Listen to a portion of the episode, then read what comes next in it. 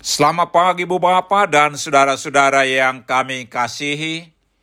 Kami dari Yayasan Badan Kerjasama Marturia mengucapkan selamat beraktivitas hari ini di dalam penyertaan Tuhan kita Yesus Kristus.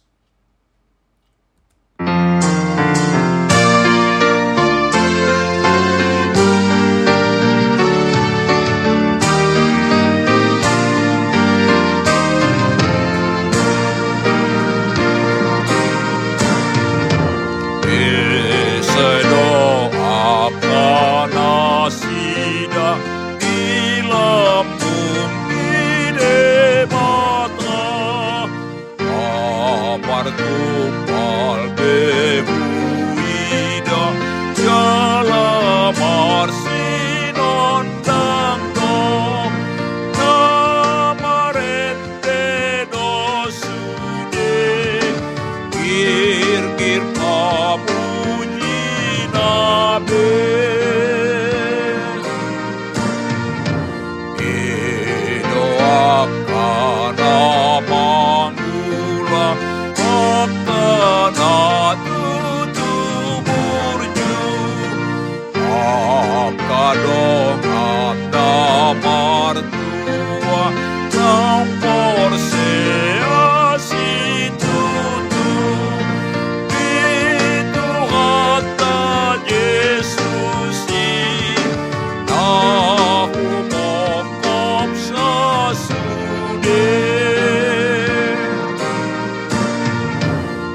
Siapa yang bersama Allah duduk mendampinginya.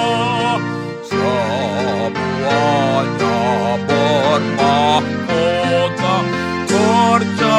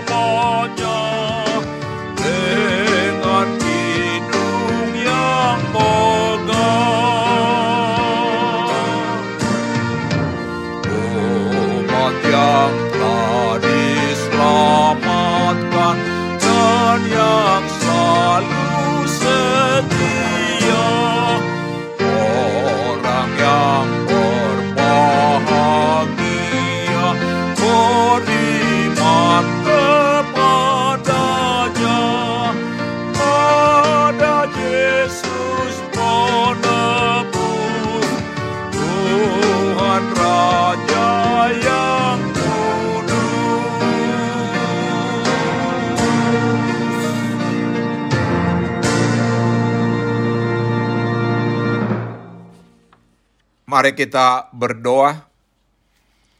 Puji-pujian, ucapan syukur kami naikkan kepadamu ya Tuhan.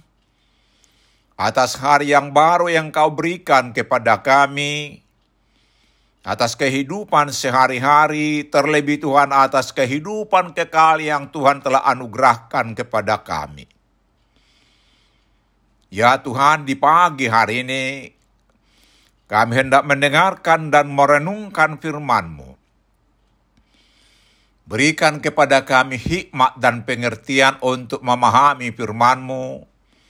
Dan tolong kami Tuhan untuk melakukan firman-Mu dalam kehidupan kami. Di dalam nama Tuhan Yesus kami berdoa. Amin. Saudara-saudara yang dikasihi Tuhan Yesus, firman Tuhan untuk kita renungkan di pagi hari ini terambil dari 2 Korintus 4 ayat 14 dengan tema Allah akan membangkitkan kita juga, demikian firman Tuhan. Karena kami tahu bahwa Ia yang telah membangkitkan Tuhan Yesus akan membangkitkan kami juga bersama-sama dengan Yesus. Dan Ia akan menghadapkan kami bersama-sama dengan kamu kepada dirinya. Saudara-saudara yang dikasihi Tuhan Yesus, tapi renungan di minggu ke-15 sesudah Trinitatis ini ialah ibadah disertai rasa cukup. Cukup suatu perkataan yang sangat indah karena berarti semua kebutuhan sudah terpenuhi, tidak ada yang kurang. Tuhan Yesus juga mengajar murid-muridnya berdoa dengan permintaan berikanlah kami pada hari ini makanan kami yang secukupnya. Matius 6 ayat 11. Bila ibadah dalam hidup kita sudah menjadi keuntungan rohani yang besar, kita tidak akan memburu kekayaan material lagi karena kita sudah belajar mencukupkan diri dalam segala keadaan. Filipi 4 ayat 11 dan 12. Tetapi godaan selalu datang terutama godaan harta dan uang sehingga sulit mengatakan sudah cukup. Saudara-saudara yang dikasihi Tuhan Yesus, Ayat renungan hari ini diambil dari perikop dengan judul Harta Rohani dalam Bejana Tanah.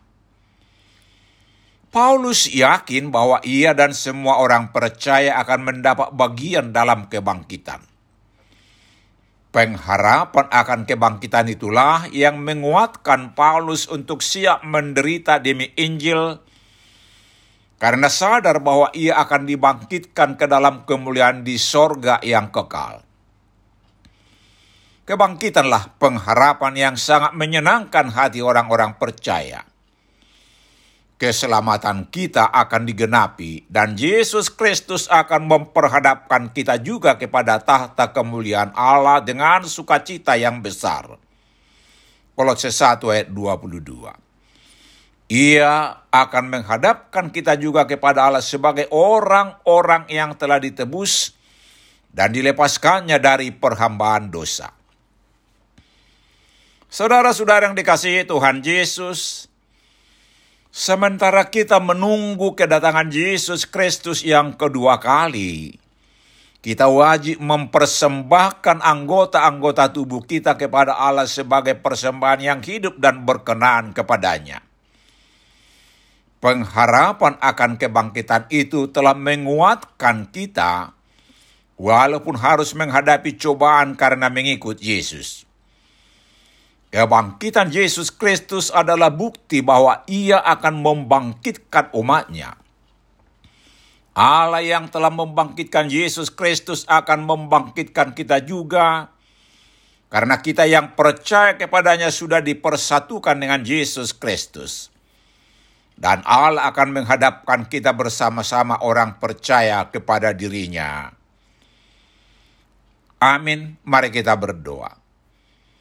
Tuhan Yesus, terima kasih karena Allah yang sudah membangkitkanmu akan membangkitkan kami juga. Dan kelak akan menghadapkan kami kepadanya sebagai orang-orang yang percaya. Amin. Selamat beraktivitas hari ini. Tuhan Yesus memberkati kita.